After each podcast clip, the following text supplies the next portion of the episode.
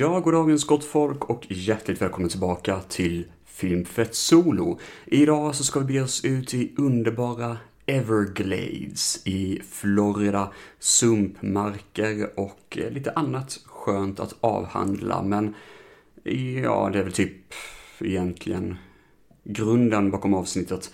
Då jag ska avhandla William Greffey. Och då tänker ni säkert, vem fan är det? För det undrade jag också innan jag köpte den här Arrow-utgåvan. Men nu vet jag allt om honom. Eh, allt och absolut ingenting. Nej, men han är en eh, lågbudgetfilmregissör lågbudget filmregissör. Som gjorde en del filmer ehm, under 60 till 70-talet. Eh, väldigt lågbudget då, som sagt var. Han fick vända på pengarna väldigt ofta. Och det här var ju under den perioden i Florida då det gjordes väldigt många produktioner av den här Eh, eller i USA generellt, då det gjordes många lågbudgetfilmer, typ som ja, den här megaproducenten Roger Corman och sånt. Som producerade jättemycket från 50-talet och framåt. Så det var ju en våg av lågbudgetfilm som skulle visas på ehm, eh, drive-in biografer. Och eh, William Greffey är lite av en osjungen hjälte. Men eh, jag kommer dyka ner lite mer i honom och prata lite mer om vem han faktiskt är. Men jag kommer avhandla dokumentären som är med i den här boxen. Som heter då They came from the swamp. Som var den sista jag såg i hela det här kollektivet av åtta filmer. Så jag tänkte att jag kommer göra samma sak till er. Jag kommer prata om den här dokumentären det sista jag gör. Arrow Video gjorde en Blu-ray-utgåva med som sagt var sju filmer plus en dokumentär som jag såg klart nu i morse. Sådana här dubbeldiskutgåvor är det, inte de roligaste av, eh, alltså omslagen, för det är väldigt exploativa avsnitt, eller omslag med väldigt sådana här tecknade omslag med väldigt speciella annorlunda design. Eh, de är ju välgjorda, men det är också väldigt mycket på ett och samma omslag, så det blir lite clusterfuck att kunna beskriva dem.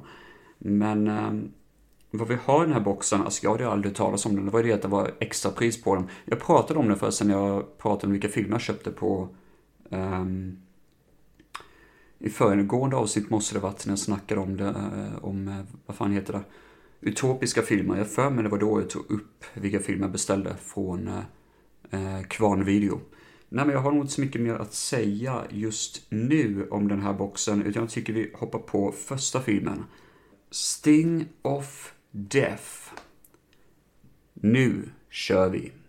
A boatload of bikini babes partying on the edge of the Everglades are menaced by a vengeful half-man, half-yellowfish in Sting of Death.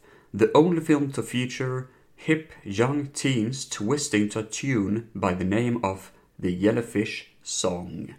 Så står det på baksidan av den här underbara um, av den här underbara DVDn.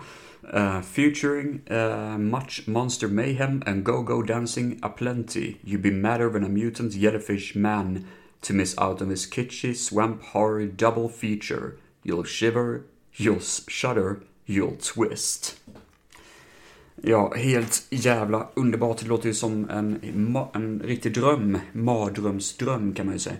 Um, William Greffey då, han introducerade avsnittet som sagt var och han har en sån ofantligt rökig röst som bara passar hans utseende. Det är så jävla magnifikt. En gammal herre med mustasch och grått hår och eh, den här rökiga rösten som känns som att han har eh, för fan rökt sitt egna brännvin i fastun sedan han var 11 år gammal typ. Oh my god. Men han ser ändå, alltså ärligt talat, han ser ändå bra ut trots allt. I alla fall för den tiden då de gjorde den här, spelade in den här dokumentären då. Filmen Sting of Death handlar om en marinbiolog som bor i ett väldigt vackert hus. Tillsammans med Dr. John Hoyt som en ung kille. Och eh, Egon som är då en Ehm, medhjälpare kan man säga till familjen som bor i det vackra mansionhuset.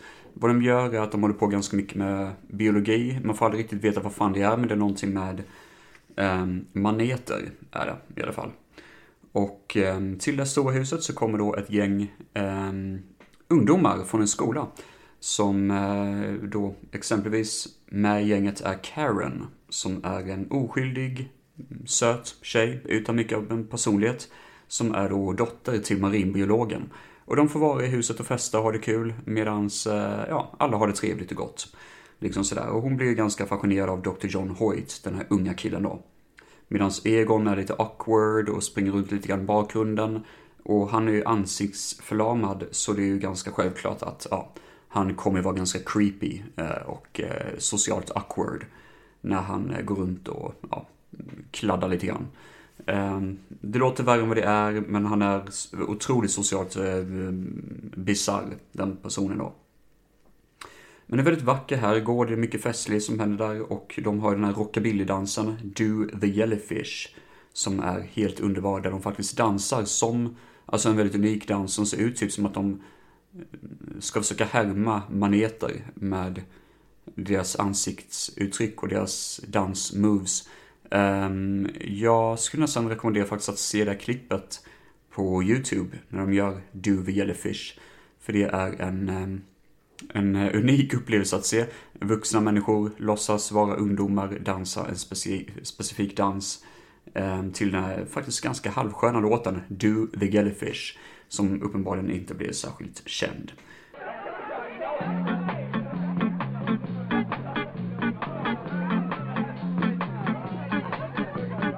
Venezuela. I'm saying, Bella, get your Cinderella and do the jella, the jilla jalla jella. It's really sweller to do the jella jellyfish. Hey. Uh, jag tror inte det står på baksidan vem det var som sjöng den låten. Vi ska se. För uh, det är en ganska skön låt, så det hade, jag hade gärna velat skriva ner det, men jag glömde nog bort det. Ni får googla, helt enkelt. Vad, vad professionell jag är, va? Um, vi har ett monster som går runt i sumpmarken och vattnet utanför den här herrgården. Och han är iklädd typ i en sån här uh, frog suit, ni vet. Um, dykarutrustning kan man säga. Men twisten är det att istället för hjälm så har han typ en uppblåsbar badboll på huvudet. Typ plastboll. Um, som är väldigt immig, så man ser inte vem det är som går runt egentligen, men har på sig den här plastbollen. Och det är lite otydligt vad det ska vara, men det ser ut som att det ska vara en levande manet som man har placerat på huvudet, typ. Frågan är lite grann varför, men ja. Uh, whatever makes you horny, I guess. Um, och han går runt och drar ner folk i vattnet och dödar lite folk hit och dit. Uh, vilket blir lite kaos, så folk försöker fly med hjälp av en båt. Men helt plötsligt dyker det upp maneter i vattnet och båten sänks. Jag fattar inte det. Alltså grejen är, jag tror filmen Eh, det är sånt i dokumentären, men jag tror nästan helt hundra att den olyckan när båten sjunker måste ha varit filmad av olyckshändelse, för um, det känns som att en båt börjar sjunka på riktigt och kameramannen bara fort så fan! Upp med kameran! Filma för helvete! Filma! För det är liksom den känslan man får av det hela eh, när folk plaskar runt i vattnet. Man får inte se förloppet när båten sjunker. Helt plötsligt så bara är den halvvägs under vattenytan och folk simmar runt och eh, de har lagt en massa plast, eh, heter det, ehm, plastfickor typ med någon boll i mitten som ska se ut som maneter som flyter på, eh, på havsytan. Eller på eh, ytan av vattnet då. En här, eh, ja, vad man ska säga, ehm, sjön. Och eh, båten sjunker mer och mer och folk plaskar runt och jag tror det tänks att de skulle stingas till döds av de här maneterna men det är också högst oklart för som sagt var det filmades väldigt flummigt och väldigt sådär hastigt. Känns nästan som att det kanske var den sista scenen de filmade, de fem sista minuterna innan producenten kom och bara sa att ja, ah, that's it, nu är ni klara med filmen, typ lite sådär. Men eh, maneten är ju väldigt mycket i ofokus också under hela scenen, så eh, det är otydligt på om det var misstag eller om de gjorde ofokus bara för att det var uppenbart att det var plastpåsar med små bollar i. Um, Sen lite småkul för när man går in lite mer specifikt på de här maneternas bakgrundshistoria så är det typ att de kallas för Portuguese Man of War. Och eh, jag vet inte om de finns på riktigt, men det hade varit jävligt kul om den här filmen faktiskt gjort sin, sin research och det faktiskt skulle visa sig att de här dödsmaneterna finns på riktigt. Det hade varit jävligt kul faktiskt. Eh, jag ska faktiskt eh, kolla upp det innan jag avslutar just den här filmen då. Um, och det här monstermaneten som karaktären springer runt med på huvudet, eh, den ser ju inte så övertalande ut, men det är ändå en unik idé. Ehm, på monstret, som sagt var. Ehm, sen mot slutet då så är det att karaktärerna kör i lite olika sådana här ehm, båtar, ni vet som kör typ i sumpmarken som en propeller på där bak. Jag vet inte vad de heter, men glidbåt eller svävarbåt. Um, och um, han som spelar Egon skulle köra en sån.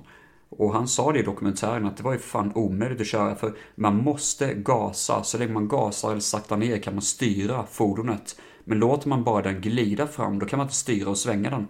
Så då var det en av skådespelarna som råkade slå i huvudet. Han som spelade den här pappan, den här, ung, den här äldre killen, den här marinbiologen. Han råkade slå i huvudet i en, Eh, någon kvist och råkade skära upp huvudet lite grann.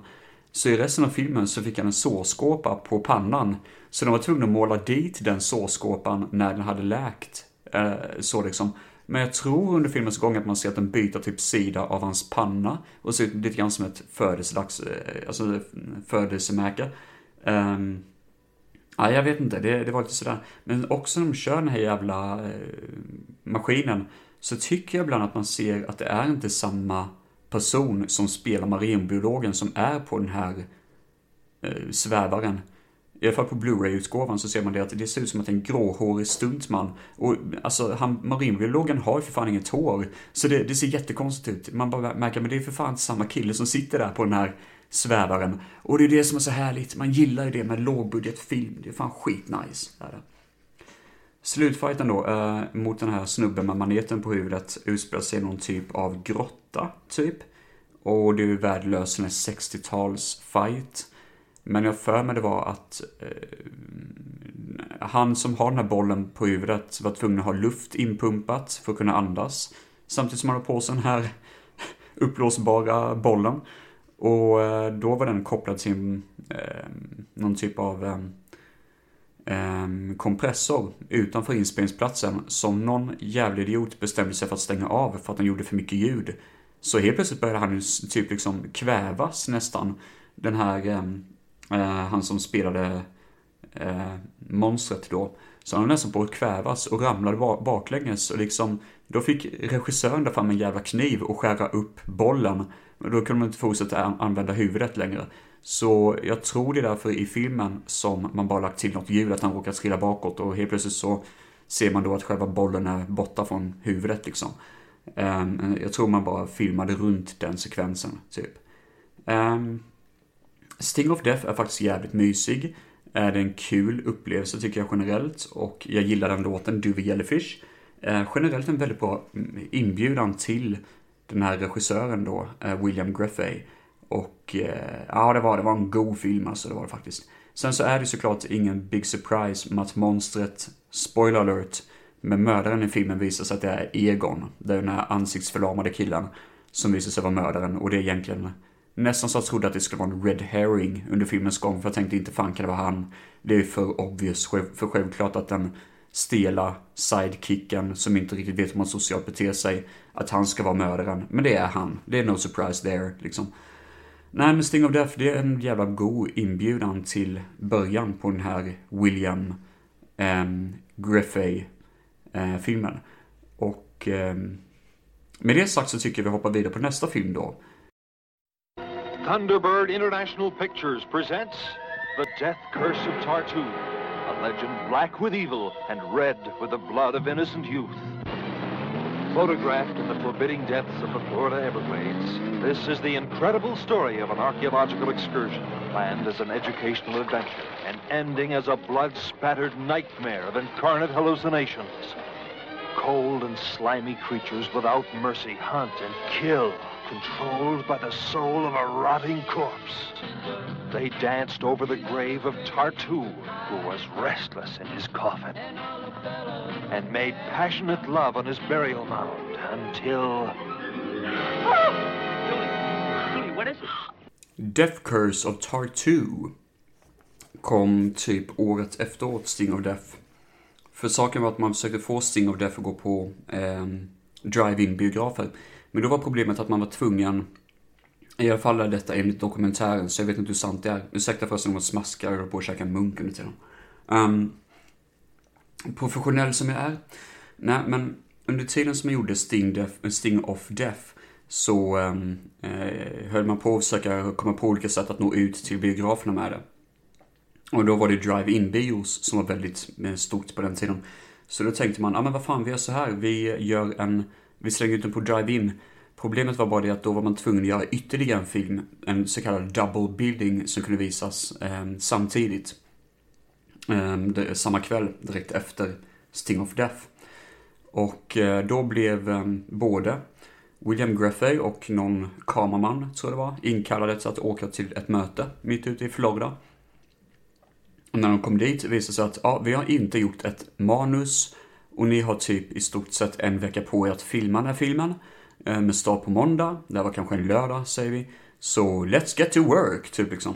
Och William Greffer hade aldrig skrivit ett manus på en dag, men det tog bokstavligt 24 timmar på eh, för honom innan han hade skrivit klart manuset. Jag tror det är så. Jag är inte helt hundra, men jag vet i alla fall att han hade bara 24 timmar på sig att skriva manuset. Det är det enda jag vet. Och sen började de skriva, eller göra Death Curse of Tartu 2 på typ sju dagar, tror jag de sa. Så det det på baksidan av uh, Blu-ray-utgåvan.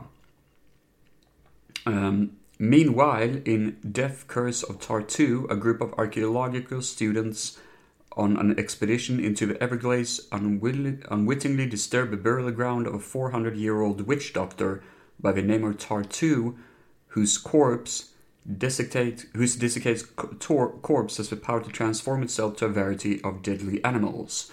Så vi har liksom helt enkelt en typ av um, häxdoktor, urinvånar häxdoktor, som um, ligger i en grav och när graven blir beskändrad så har han förmågan att förvandla sig till olika djur som attackerar invånarna eller folk som försöker att uh, utforska den här arkeologiska sajten. Då. Det låter väldigt kul, men kom ihåg att den här filmen filmades på sju dagar, det vill säga att vi filmar så mycket bullshit som möjligt. Vi gör det här så tråkigt som möjligt. Vi ska bara göra det här för att försöka få Sting of Death att gå på bio, typ. Lite så var det. Um, vi har en scen då det är en jägare som hittar några eh, billiga bendelar köpta på Buttericks typ.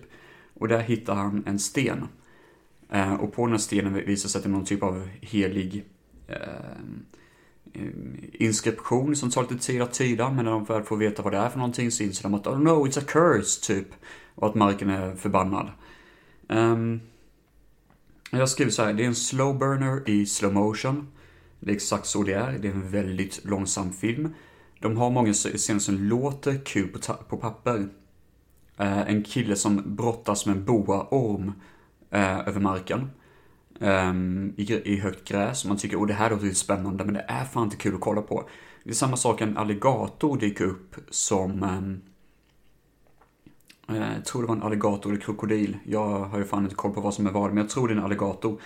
Som dyker upp eh, och ska attackera en kvinna då. Men eh, grejen var att den här alligatorn ehm, var ju tränad till att inte attackera människor. Men hur fan tränar man en alligator, tänker man då.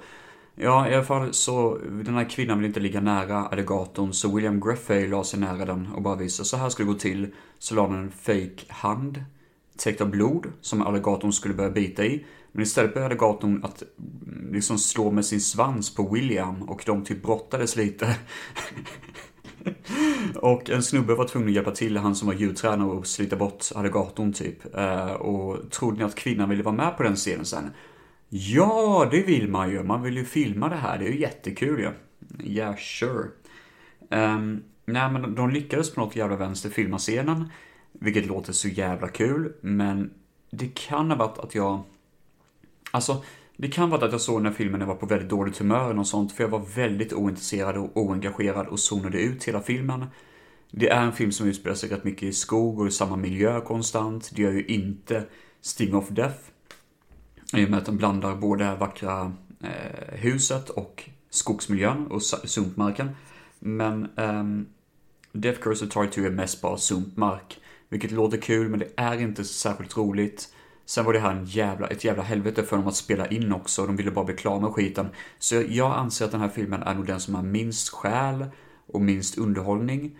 Um, själva designen på monstret Tartu är ju riktigt coolt, det är typ ett skelett monster. Men i och med att det tog sån tid att göra makeup så fick man göra att han skulle förvandla sig till en vanlig ursprungsinvånare som såg ut som han gjorde när han levde typ. Så han bara shapeshiftar hela tiden och masken används så sällan, alltså det är typ två gånger tror jag. En gång när han sitter i graven och typ håller på att eh, ruckas fram och tillbaka, vagga fram och tillbaka i graven. Och sen får vi se ett djur, typ. Så det beskriver inte riktigt, alltså jag tror från början att han typ telepatiskt kunde styra djur, men tydligen att han förvandlas fysiskt till djur. Men eh, det, det får vi aldrig se liksom. Um, och sen så har vi en scen när han reser sig ur graven, lite halvt, och blir skjuten och förvandlas då till den här ursprungsinvånaren i sin full flesh, liksom, fulla, eh, fullt blod. Och sist är då hur invånaren dör, vilket faktiskt är en ganska cool scen. Um, om ni har sett filmen Prey så är det typ på eh, Predator då, filmen, så är det typ på samma sätt kan man säga. Utan att spoila för mycket, för jag känner ändå det att Death Curse of Tartu är ändå en film, det, det, är kanske den roligaste scenen när han dör, i stort sett. Annars, nej, den är seg, den är 80 minuter, men helt jävla enligt mig poänglös. Och jag fattar egentligen varför, för det här var ju mest det, det var ju fan inte kul eh, att se den filmen egentligen. Sen är minuset också att man inte får den här The Jellyfish-sång i filmen, vilket är väldigt sådär minus i kanten. Nej, men ärligt talat, det här är ingen kul film. Eh, jag har inte så jättemycket kul att säga om den. Ehm, ta inte mitt ord för det dock, jag var jävligt out när jag såg den. Jag kände mig ganska sådär ointresserad. Och ja, det kanske inte gör filmen rättvisa, vem vet.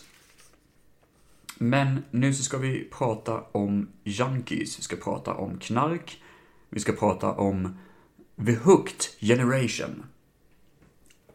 First up, The Hooked Generation sees a trio of desperate drug peddling peddlers. Among them, the aptly named Acid, Greffey regular John David Chandler, retreat into the depths of Florida Everglades with a pair of captives in tow after killing their Cuban suppliers and members of a Coast Guard. Ja, så står det på baksidan. Och vi kommer komma tillbaka till den karaktären Acid, spelad av John David Chandler. Han kommer uppkomma rätt många gånger under um, filmkarriären av William Greffey. Och säg vad man vill om filmerna, men han är ju alltid kvalitet i alla fall.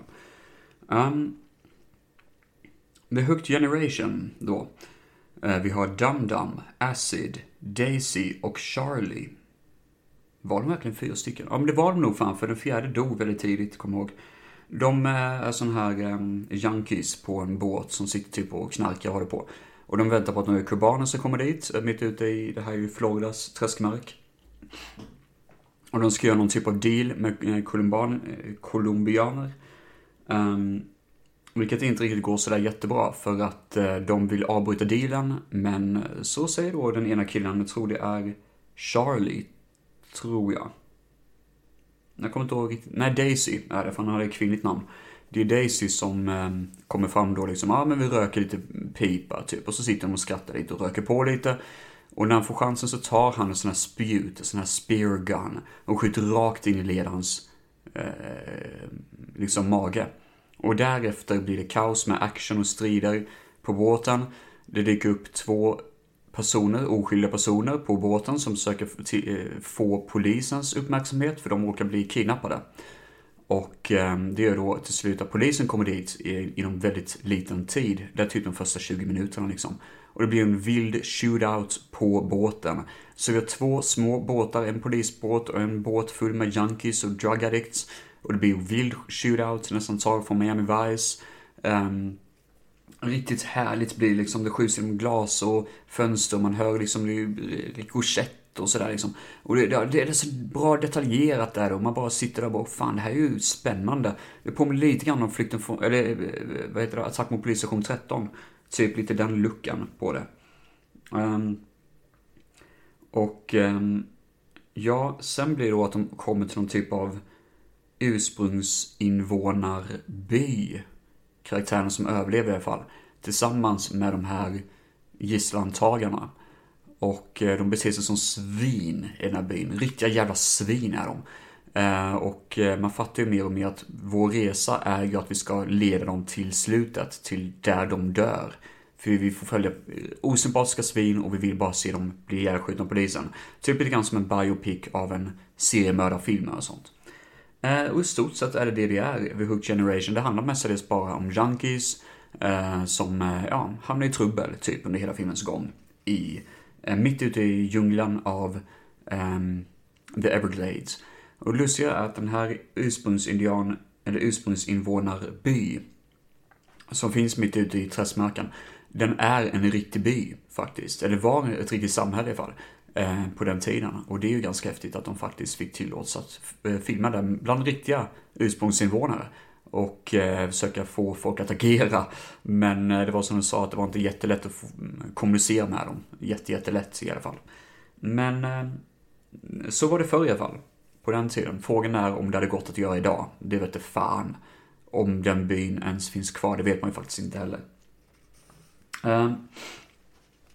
Den här karaktären Acid då, spelad av eh, John David Chandler. Um, han är ju ett tillstånd i sig. Um, han, uh, alltså det är det som är så intressant, hans personlighet är typ olika variationer av droger. Han är väldigt lugn och mellow och cool. Då har han tagit haschen, sånt troligtvis något mer lugnande. Han är väldigt exalterad och väldigt sådär hyper och väldigt sådär eh, övervåldsam och hemsk. Då är det att han har tagit typ någon mer, eh, eh, liksom, eh, ja, någon annan typ av drog. Jag kan fan inte ett jävla skit om droger, okej? Okay? Men det är ändå kul att han agerar på det sättet. Sen så misstänker jag starkt att de måste röra på på riktigt under filminspelningen, helt utan tvekan. Um, men det är det som är så kul med att William Graffey är bra på att filma saker med, som man skulle kalla för psychedelic cam, typ. Han filmar väldigt bra på ett flummigt och sådant här psykedeliskt sätt. Eh, vilket är väldigt kul när han får experimentera med det, för han har en väldigt säregen stil som funkar väldigt mycket specifikt i den här filmen. I rätt tillfällen så känns det verkligen psykedeliskt och trippy som fan. Särskilt när Acid kommer då till ett ställe där han ska försöka göra någon deal med riktiga drogbaroner. Jag för mig han den sista karaktären som Nej, det är inte alls det. Han är en av de sista som överlever.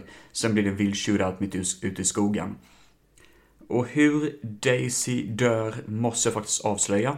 Så bear in mind om det. Men där är det faktiskt att en utav de som är gisslan tar en spruta som, eh, medan Daisy håller på att skjuta mot polisen så tar han en spruta som ligger på marken och kör in den i nacken på Daisy. Så han typ får eh, överdos. Jag tror till och med det är två sprutor. Eh, och Daisy typ vacklar rakt ut i vattnet och eh, drunknar någon typ av hallucinering Eh, situation. Vilket är så jävla coolt och välgjort och välanpassat för filmen. Um, en riktigt intressant död faktiskt. Och en, alltså en väldigt psykedelisk och god film. Ju mer jag pratar om den, desto mer tycker jag om den. Jag var inte supermycket på mig när jag såg filmen. Det vi kommer ihåg att det började zona ut rätt mycket. Men jag tycker ändå om den tillräckligt mycket för att känna mig engagerad och indragen i den här produktionen. Så jag skulle garanterat rekommendera att se The Hooked Generation. Eh, även om det inte är en skräckfilm av William Graffey, så är det kul att visa liksom vilka eh, spår han är redo att gå och vilka vägar han är redo att ta för att få sin film att bli gjord. Och då tycker jag vi hoppar vidare till nästa produktion. Eh, efter The Hook Generation, som faktiskt kom ut många, många år senare, om en lite märklig präst. Meanwhile, in The Psychedelic Priest, a film that lingers in obscurity for decades before its rediscovery, Originally entitled Electric Shades of Grey, a young priest embarks on a whacked out road trip across America after accidentally drinking a coke laced with acid. Um, det här är precis som det låter, det är en roadtrip uh, med en präst. Um, som, den här filmen gjordes utan manus. Ehm, med tre män bakom kameran plus William, så tror jag, så är det fyra guys, allt som allt, bakom kameran och riktiga hippies i huvudrollsinnehavare då. Vi har precis som det står på baksidan en präst som råkar bli hög av acid. Eh, någon råkar spetsa hans Coca-Cola misstag och han blir jättehög. Han är väldigt mycket mot droger. Men efter det blir det typ en roadtrip. Um, ehm, så jag kommer inte ihåg om det hoppade till att han bara satt i bilen och bara kör runt från ställe till ställe. Röker på och, liksom snackar med folk som man träffar på. Uh, fria hippies och fria folk. Um, och den eh, handlar ganska mycket om um, rasism, alltså den är ganska övertydlig nästan om rasism och klasskillnader och sådär. På ett sätt som inte alls är särskilt subtilt. Men det är kul att de tar upp den här filmen, för det passar ju filmen ändå. Hade jag inte haft någon sån tema hade för fan ingenting hänt i filmen alls, typ. Eh, så han springer på en filosofisk präst, bland annat, som hjälper en kvinna att föda i en bil. Hela den scenen hon föder i bilen tog tydligen 30 minuter att filma. Kvinnan var ju själv inte gravid, såklart, och man kunde inte visa barnet, så man fick bara höra spädbarn gråta i bakgrunden. Ehm, så ljudet gjorde ju illusionen av att det var ett barn som föddes, typ. Eh, det är en ganska mysig scen av någon konstig anledning. Och sen så pratar man då med den här prästen nästan som att, Är det prästen och den här... Um, ja, nej förlåt. Um, det, det, var inte en härlig filosofisk präst menar jag, utan härligt filosofiskt eh, läkare. En mörkrädd läkare som hjälper då eh, barnet att föda tillsammans med prästen. Alltså, rätt ska vara rätt. Eh, och eh, där var det i fall att ehm, de två typ bondar jättemycket med varandra och snackar lite grann och har lite filosofi med varandra. Det är många ställen då prästen bara går bland folk generellt och bara snackar och intervjuar dem. Eh, han blir tillsammans med en tjej som följer med honom på hans roadtrip och det tar rätt lång tid innan han fattar att han faktiskt tycker om henne, typ. Så det är liksom ändå mycket karaktärsinteraktioner. Och um, Ja, alltså bara en mysig roadtrip utan något riktigt klart mål, förutom i slutet då det blir någon typ av destination för huvudkaraktären. Jag minns inte riktigt vad det var för destination, men det blir ändå någon typ av, vi måste liksom knyta an säcken på något vänster. Och eh, ja, på den vägen är det helt enkelt. Um, jag gillar den här filmen. Det är väldigt chill hippie-musik.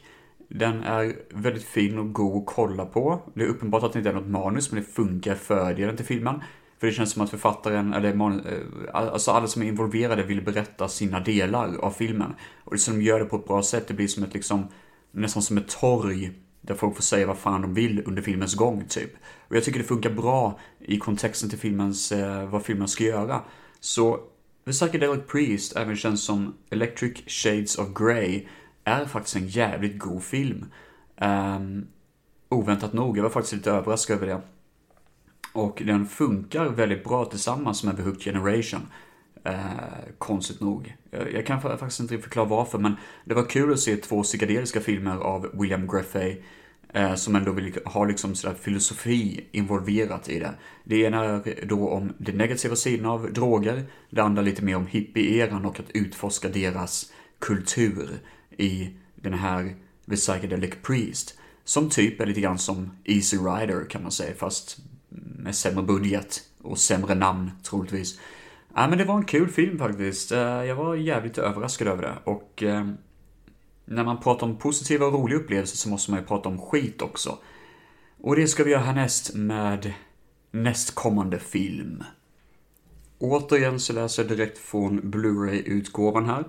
First up, we pay a visit to the Naked Zoo, where 50s Hollywood icon Rita Hayworth finds herself slumbering it as Mrs. Golden, a frustrated matron who finds solace away from her wealthy, Wilshire bound husband in the arms of an aspiring young writer, Terry. But the coupling was doomed from the outset and soon leads to deadly consequences. Ja, The Naked Zoo, som jag brukar kalla det för The Human Zoo, för jag kom fan inte på vad den hette när jag skulle recensera den filmen eh, på 100 filmer. Um, Facebook-sidan som jag tycker väldigt mycket om, men det är en annan faktum, eller faktor. Som sagt var, eh, Rita Hayworth spelar ju rollen som Mrs Golden och hon var ju en väldigt känd ikon under 50-talet. Um, Griffey fick låna extra pengar för att få henne att vara med, vara med i filmen. Hon är med en del ändå. Det intressanta är att det här är Directors Cut. Och jag tänkte, vad fan är så intressant med den här filmen? Det, men bakgrundshistorien är ändå intressant för när filmen gjordes först så ville producenten att det skulle vara en porrfilm. Så de klippte in sexscener och redigerade in det i filmen, bakade in det på ett jävla vänster som inte funkar alls i kontext, eh, kontexten till vad William Greffey ville berätta. För han vill inte göra porrfilm, han vill göra en eh, erotisk, sleazy film eventuellt, men ändå någon typ av story bakom det. Bakom det. Så eh, när han hittade, äntligen då, eh, den här underbara, liksom, vad ska man säga? Um, vad fan vad jag ska säga? Ja, alltså när, när, han hittade materialet på sin ursprungsfilm så försökte han klippa om det så gott han kunde till att bli hans director's cut för den här Blu-ray-utgåvan. Um, så det är det närmaste man kunde komma hans originalutgåva av filmen. Det alltså märks däremot under filmens gång att den bildar, alltså e, å ena sidan kan det vara jättefula, flummiga, nästan vattenskadade negativexemplar av originalutgåvan. De har kanske legat i ett fuktigt jävla skåp någonstans och nu ska de klippas in i en film igen. Så det, kontrasterna i filmens kvalitet går verkligen upp och ner. Men jag som gillar gamla filmer, jag som gillar gammal kvalitet, jag tycker det bara det är charmigt att se. Det här skadematerialet som skiftar väldigt mycket i kvalitet, det funkar i kontexten när man vet om att det här var en film som verkligen inte har lanserats i den här formen förr.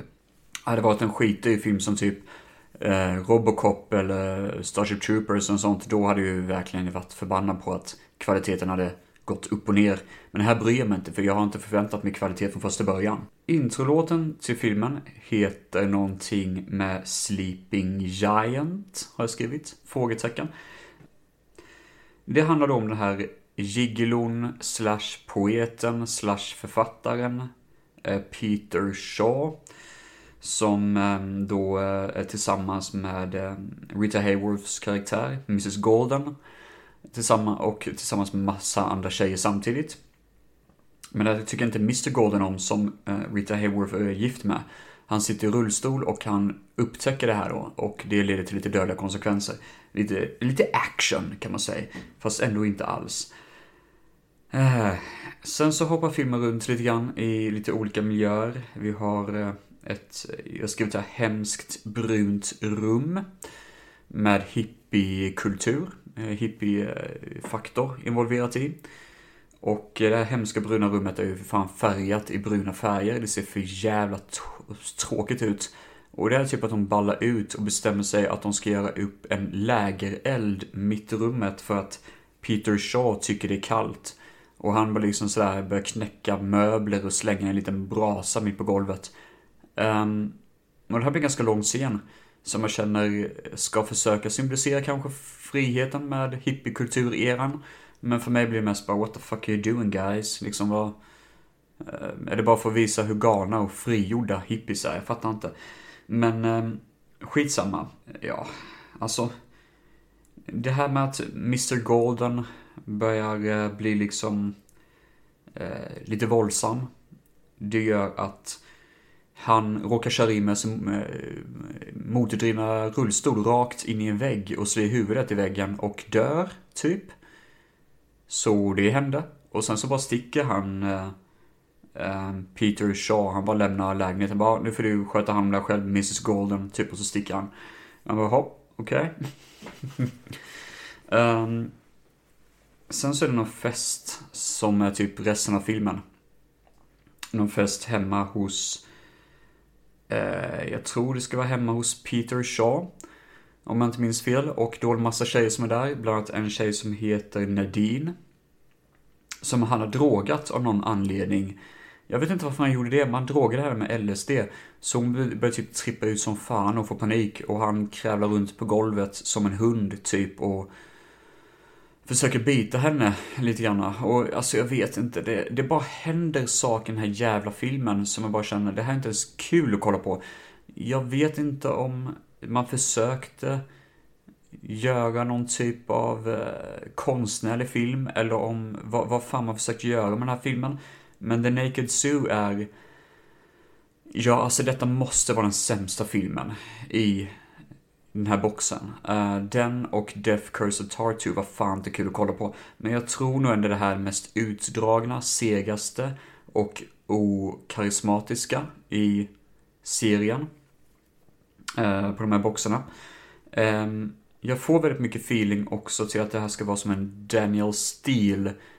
Ni vet sån här Danielle Steele, um, typ sleazig romantisk bok. Som eh, minus att eh, Fabio inte spelar huvudrollen i den här filmen då. Med sitt långa hår och sina sexiga muskler typ. Alltså jag, får lite känslan av det att det ska vara en sån här gigolo-film. Men det är så jävla tråkigt att kolla på, my god. Jag, jag ska väl säga att jag gick in med väldigt låga förväntningar, jag kom ut med väldigt låga förväntningar. För titeln The Naked Zoo låter inte kul heller.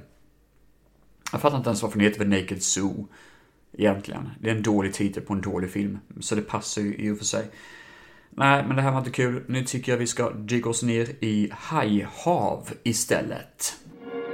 Now, enter an underwater world of terror and suspense as you face the jaws of death.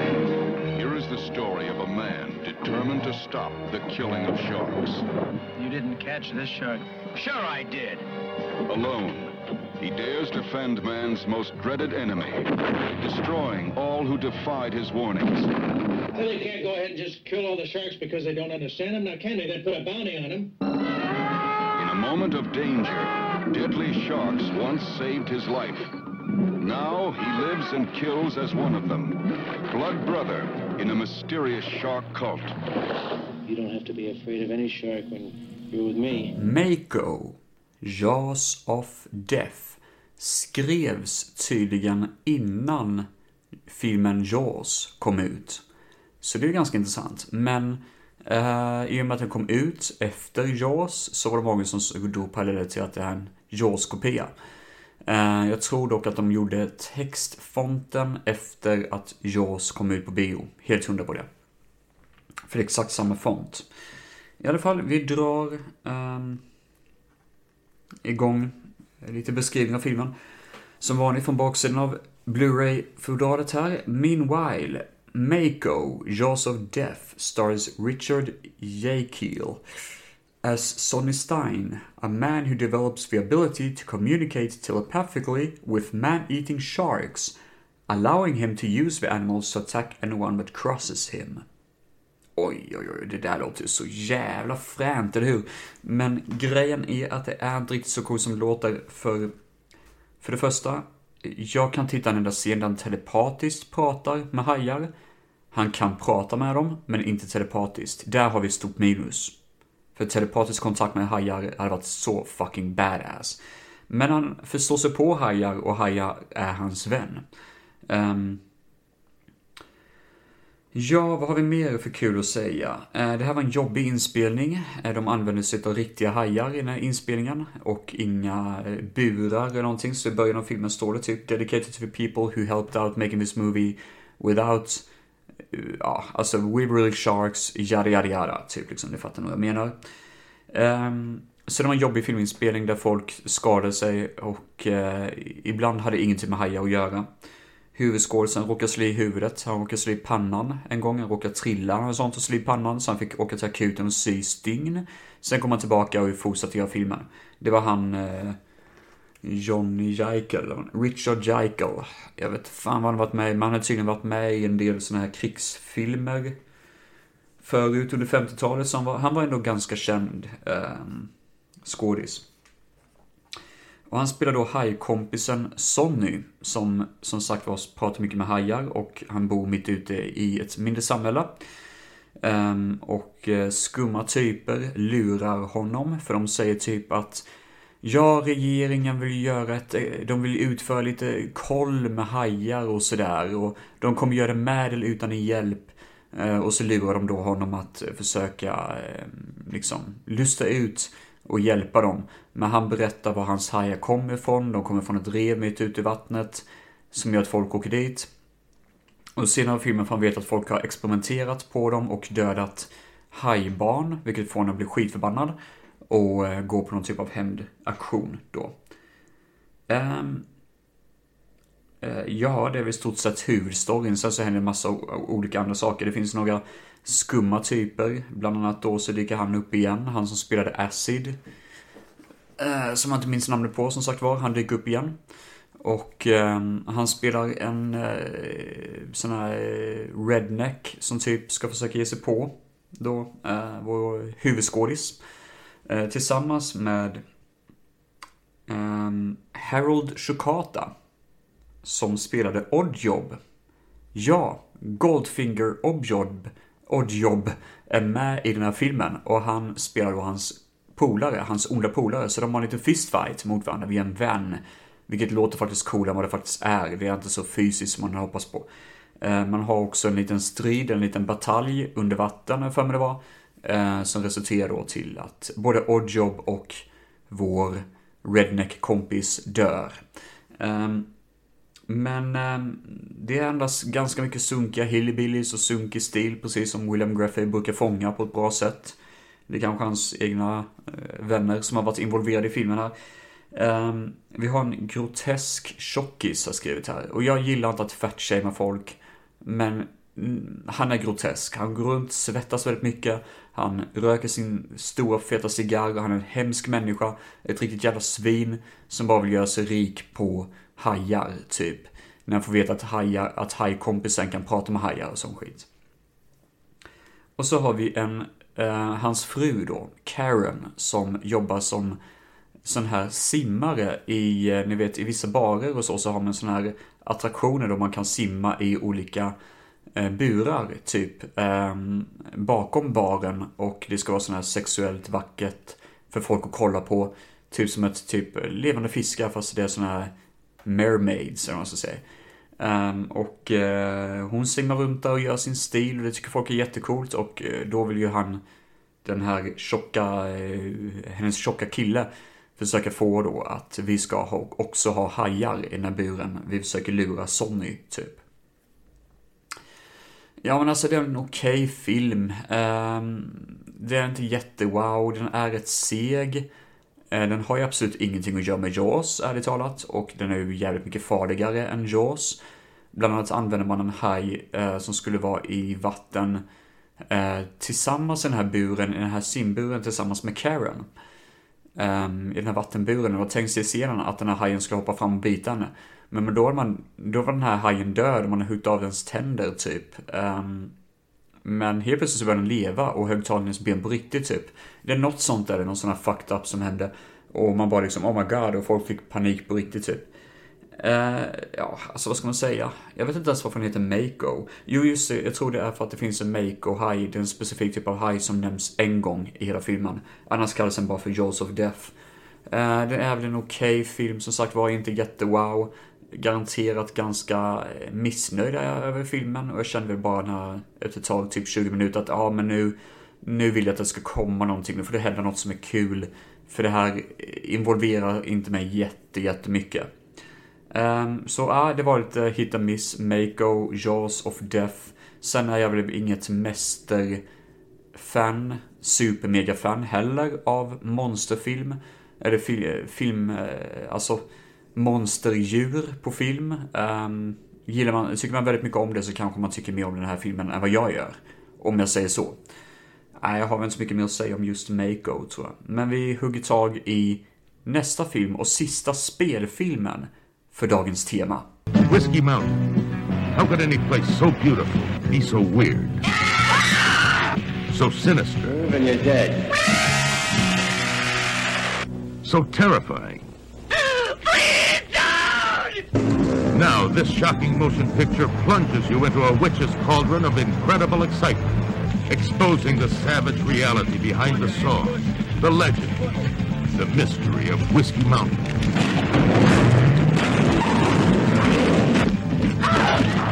Yeah, it takes a lot of guts to go up Whiskey Mountain. Only problem is, you might never come down.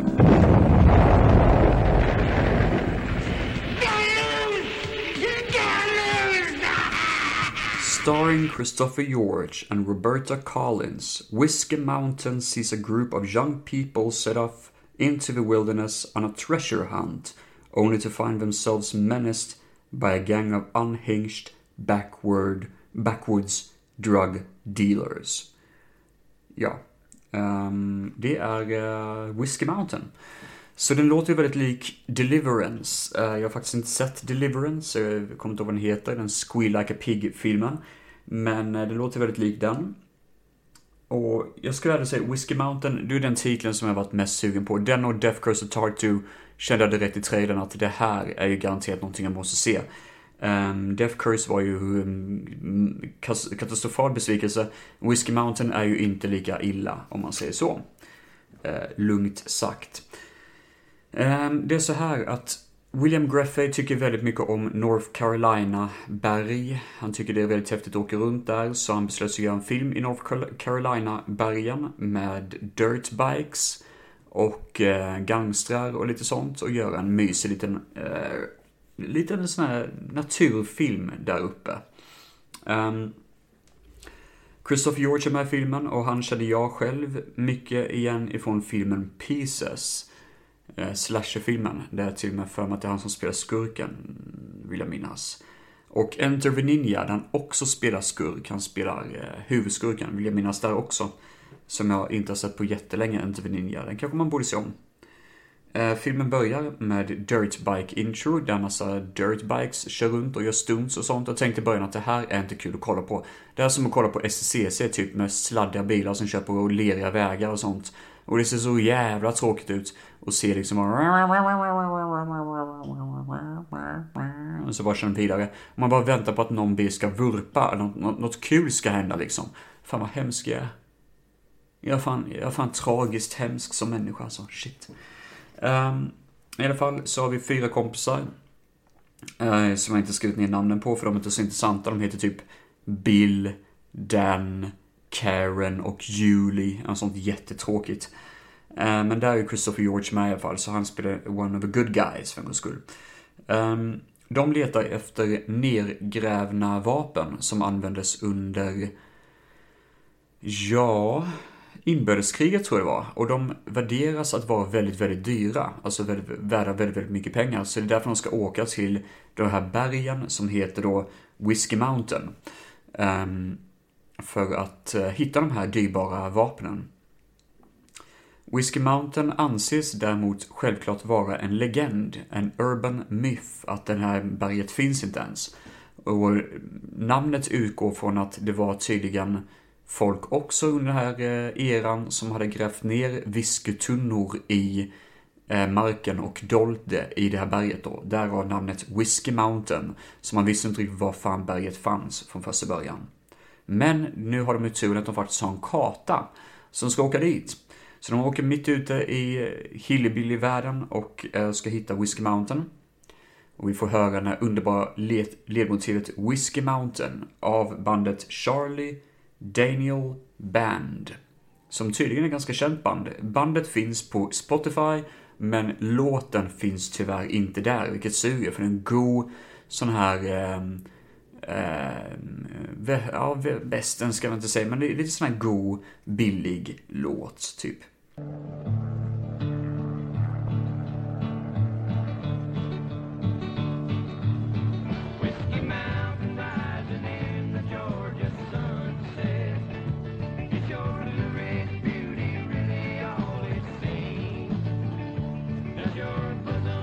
Det finns några sådana här per, alltså perversa rednecks mitt ute i skogen som är lite creepy dudes typ. Och ehm, ja, det bryr sig de här fyra gängen, äh, vännerna inte om, så de åker ut i skogen. Men någon följer dem och försöker sätta käppar i hjulet för dem. Uh, först får vi en skogsbrand som är precis intill deras campingutrustning. Och det var ganska svettig scen att se, för jag känner verkligen när jag ser filmen att det svedde, svedde verkligen till i huden när jag ser de här brandscenerna. Eh, för det här är ju riktig brand som man har satt ett eld. Det är inte någon jävla sån här eh, inklippt i filmen eh, där man har köpt material till eld, utan man har verkligen bokstavligt talat satt lite av, eh, av skogen i brand för att visa liksom känslan. Och det är fan obehagligt att se. Det, Hollywood hade aldrig kunnat lyckas göra en sån här scen kan jag säga. Utan tvekan, för det här känns på riktigt. Och man känner hur det verkligen, någon av skåsarna har verkligen utan tvekan bränt sig på riktigt. Bara, ah jävlar, där brände mig. Liksom sådär. Man får den känslan när man ser scenen. Man ska springa fram och tillbaka mellan deras dirtbikes och hämta deras utrustning och försöka liksom ta sig därifrån då. Vi får en flotte med rep. Ni vet en sån här flotte som har ett rep som man drar i för att liksom ta sig själv från ena sidan av en sjö till en annan, eller av en liten bäck, vad man ska säga, till andra sidan. Eh, och det är ganska svettig scen också, för den känns lite sådär osäker. Eh, de tvingas ha på sig sina motorcykelhjälmar när de ska ta sig över. Eh, jag tror inte det var några stuntmän som var involverade i den scenen och det är en ganska kul element man har använt i den här skogsmiljön. Ehm, sen har vi ett vattenhjul. Ni vet sådana här vatten... Ja, vattenhjul tror jag det heter. Där en udda gubbe bor och han är jätteredneck. Alltså han bara såhär skrattar jättemycket och så ser man Whiskey Mountain! Typ. Och sådär, eh, det är ganska uppenbart att när han dyker upp så är det nog ingen skådis som vet vad fan han säger. Alltså jag tror det är en sån skådis som William Greffer själv Alltså han har bara sett en gubbe som sitter och skrattar som fan och ser jätteredneck ut och ingen fattar vad han säger och bara Jag vet inte vad han säger men han ska vara med i min film, typ lite sådär. Man får den känslan och jag hoppas att det, är så. Jag hoppas verkligen att det inte är en skådis på riktigt utan liksom um, This guy, this odd man, nobody knew his name, nobody knew who the hell he was. So just showed up one day and we decided to use him. Nu har jag bara hittat på det där, men det hade varit så jävla kul om det vore så. Och jag vill inte, jag vill leva med den illusionen i mitt huvud att den gubben var så liksom. Um, uh, vi har då Mr. Rudy som dyker upp och det är återigen samma kille som jag pratade om innan. Um, John Davis Chandler. Vad fan som låter? Ja, förlåt, det är någon som håller på att borra här. Eh, det är återigen John Davis Chandler som dyker upp i rollen som Mr. Rudy. Och Mr. Rudy är då en person som um, Alltså han, han dyker upp tidigt i filmen som en redneck och man tänker att det var kanske bara en cameo. Men sen dyker han upp som gangster för det visar sig att i den här grottan där vapnen ska ligga så ligger också en massa, alltså massa såna här, um, heter det, Mariana. Och det är faktiskt riktig Mariana som användes. Eh, från början så trodde folk att ah, men det är säkert så här eh, props, men nej, när de kom dit så bara, nej, det är faktiskt riktig Maja som någon har, någon har lagt för att hela, hela byn hjälpte till att göra den här filmen. Så då är det någon som har, eh, I take my own garden part and pleasure here, liksom sådär. Eh, ja, uh, oh, herregud. Uh, men Mr. Rudy är ett jävla svin och han dyker upp i tredje akten, han och hans, uh, sina vänner, och nu blir det fan riktigt svinigt. För Båda tjejerna blir tillfångetagna i, eller allihopa blir tillfångetagna i en stuga. Men tjejerna är ensamma när de, de blir våldtagna av då det här jävla redneck-gänget. Och de har visat det på sånt otroligt jävla bra sätt. Att istället för att visa det, vilket är jävligt obagligt, så filmar man bara ett bord. Och på det här bordet så läggs polaroidkort. Samtidigt som man hör bakgrunden hur de blir våldtagna och så. Eh, så, så läggs det polaroidkort och då får man se olika bilder på våldtäkten utan att det är för explicit, liksom så för in your face. Men jag gillar det för det är så jävla effektivt sätt att visa att det här är väldigt obehagligt. Och det gav mig faktiskt på riktigt eh, en creepy känsla. Det är riktigt välgjort är det. Så det var ett genialt move där faktiskt. Eh, Christopher George och hans polare drar ner till ett eh, samhälle och de ska då eh, bunkra upp med vapen för att göra hämnd mot de som har försökt döda dem. Och skaffa sig shotguns och allt möjligt. Och då kommer en bil körandes. Som de påstår It's one of the bad guys, säger de typ och skjuter bilen helt random. Inte för att de ser vem det är som kör, men bilen gör ett jävla flipp på gatan och typ kraschar och det var typ det dyraste jäkla stundet de måste gjort i hela filmen. Uh, riktigt störd bilflipp. Det var skitcoolt att se. Um, sen får vi se i slutet då en final där Christopher George springer runt med två motherfucking shotguns och skjuter ner hillbillies i den här stugan där båda tjejerna är tillfångetagna och det är så jävla manligt. Shit alltså, det var... Uh, uh. Wow. Så, till skillnad från Death Curse of Tar 2 är Whiskey Mountain precis så jävla cool som man vill att det ska vara. Jag hoppas ha sålt in den till er på ett väldigt bra sätt. Eh, jag vet att jag har spoilat rätt mycket på de här filmerna, men det är ju det jag gör ibland här på Filmfett Solo. Ehm, och i ärlighetens namn, ja, det här är filmer som man bör se i vilket fall som helst. Eh, jävla kul upplevelse att se Whiskey Mountain. Men då har jag sist men inte minst då en dokumentär som heter They came from the swamp.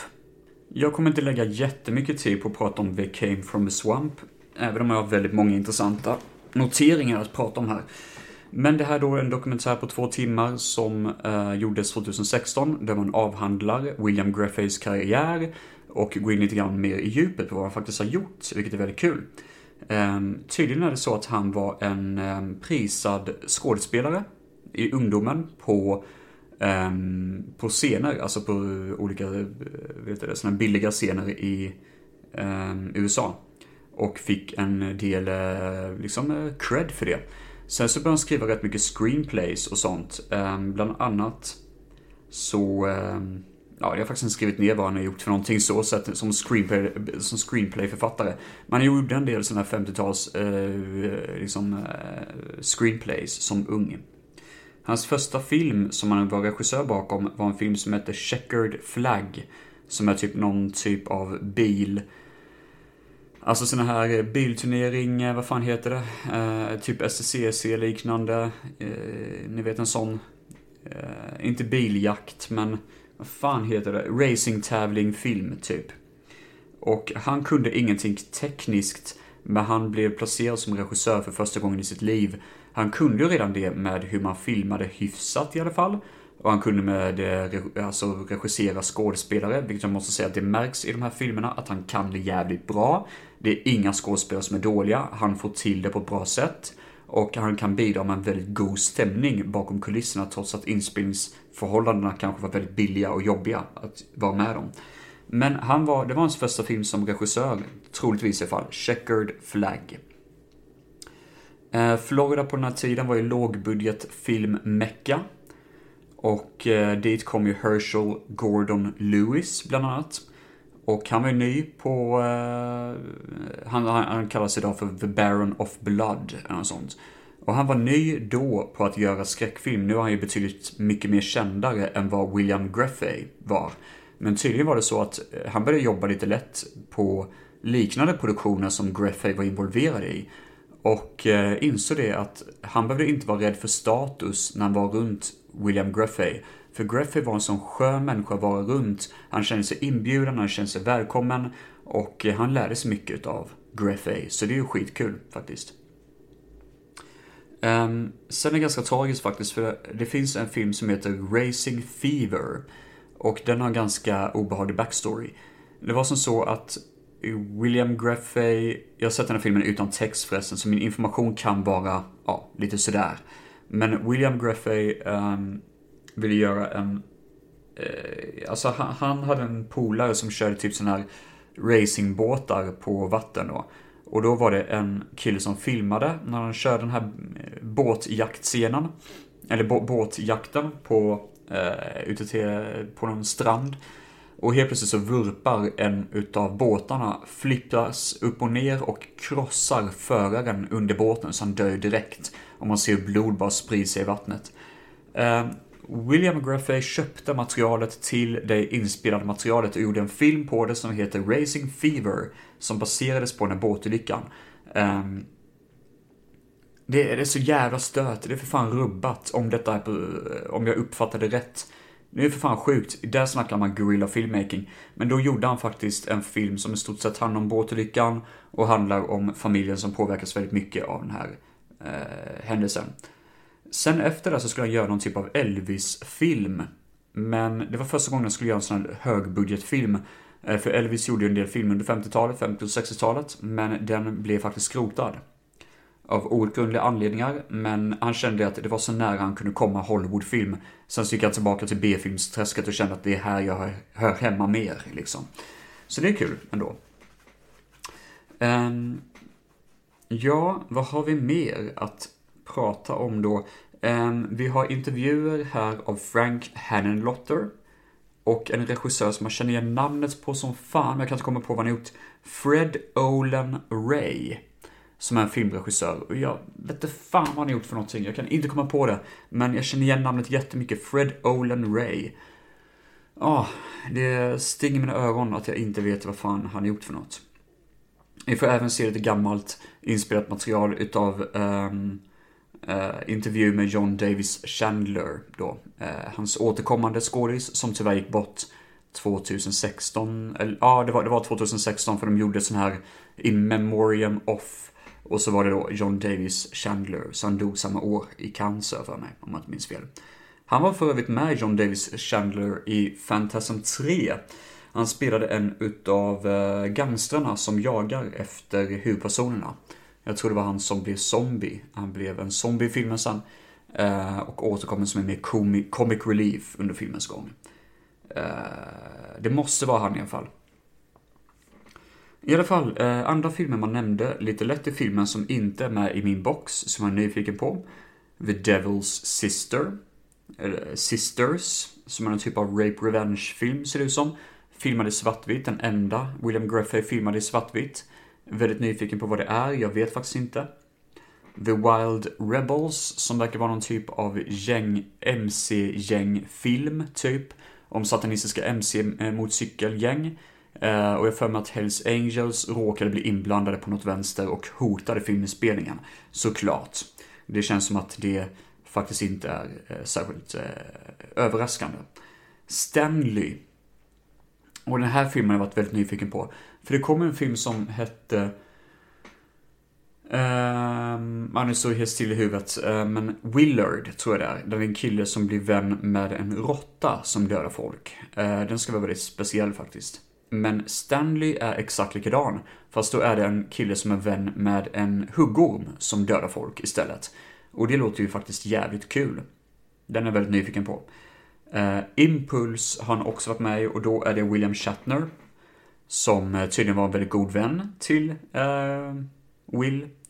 Uh, Griffey, de gjorde lite, uh, lite sån här, spelade in lite sån här um, reklam för någon typ av vinmärke, tror jag det är.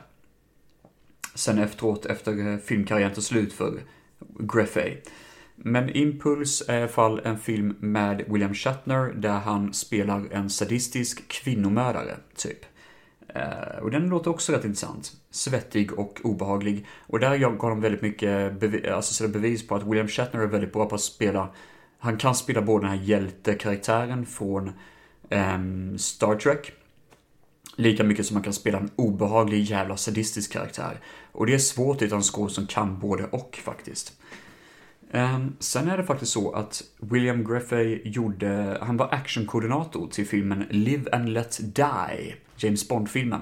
Så eh, det är jävligt kul att han gjorde en del actionscener där. Ehm, och eh, stunts och så vidare. Han var involverad mycket i actionsekvensen av Live and Let Die. Det var fan jävligt kul att höra. Och apropå James Bond, återigen, han gjorde ytterligare en film med Oddjob. Den skrev jag inte ner vad den hette för jag tyckte inte den lät jättekul den filmen. Men Oddjob dyker upp återigen i ytterligare en film som äh, Greffer gjorde. Och där så skulle han hängas i en scen. äh, av ett snöre. Men grejen var bara det att Ehm, han hängde sig på riktigt faktiskt. Och eh, det tog väldigt lång tid innan folk förstod att oh my god, han hängs på riktigt snabbt som fan. Vi måste skära ner honom liksom. Så folk fick ju försöka lyfta honom. Han är ju tung som fan, Oddjob. Ehm, och de fick ju lyfta bort honom och han fick luft tillbaka igen liksom. Men han kunde bokstavligt talat ha dött. Och det var många som sa det i dokumentären, det får fan aldrig hända under en inspelning liksom. Så jävla obehagligt. Um, sista roliga trivian från den här dokumentären är att Don Johnson, the Miami Vice himself, gjorde en tv-serie som heter Cease Fire. Um, ehm, som handlar om en man som har PTSD efter Vietnamkriget och försöker leva ett normalt eh, familjeliv, men det går åt helvete typ. Um, och den tv-serien blev inte särskilt känd, tyvärr. Men det material som filmades och spelades in där visades sen till Michael Mann, som tydligen var hyfsat god vän, typ, med Graffey, kan man väl säga på sätt och vis. Eh, eller de hade någon connection där i alla fall, och visades då eh, skådespelartalangen Don Johnson från den här tv-serien Ceasefire, som sen gjorde då att han blev intressant nog till att bli vara med i Miami Vice. Det är jävligt what the fuck moment. Wow! Nej, men där har jag sagt allt jag velat säga om They, He Came From The Swamp. The William Greffey Collection. Um, det var ju inte alla filmerna som var med i hans kollektion i just den här boxen. Det hade varit kul om det hade varit fler, men jag är nöjd ändå. Jag är jävligt glad att jag köpte den här boxen. Jag känner mig bara glad och exalterad för att jag får pratat med det här för er där hemma. Uh, det har varit jävligt kul, en rolig resa. En stark resa, om man säger så. Um, och eh, ja, jag får väl säga adjö för dag, eh, dagens avsnitt då. Och avsluta med någon typ av skön låt från eh, den här mycket magiska filmboxen då. Ni hittar mig på sociala medier, på Facebook och Instagram och hela det köret. In och likea, do whatever you the fuck you wanna do. Ha det så bra allihopa. Hej då! Jag glömde ju göra en liten sammanfattning av vilken film som är sämst och vilken film som är bäst i den här eh, underbara serien, denna underbara resa vi har gjort, ni och jag. Eh, sämst av alla dessa är The Naked Zoo. Den hade verkligen ingenting att erbjuda för mig. Den var bara otroligt dålig. Eh, det enda som är kul är vad som hände bakom kulisserna på filmen. Efter den har vi Death Curse of Tar 2 som fucking är eh, horribelt dålig. Um, den är i alla fall lite bättre än Naked Zoo, vilket inte säger så mycket, men ändå. Sen går vi in på de som ändå är helt okej okay, enligt mig och då är det Mako Jaws of Death som kommer nästa. Den lyckas precis komma in i okej okay, eh, vattnet och simma runt lite grann där. Um, Sting of Death blir uh, nästa man på rakning. Uh, som en bra, god titel.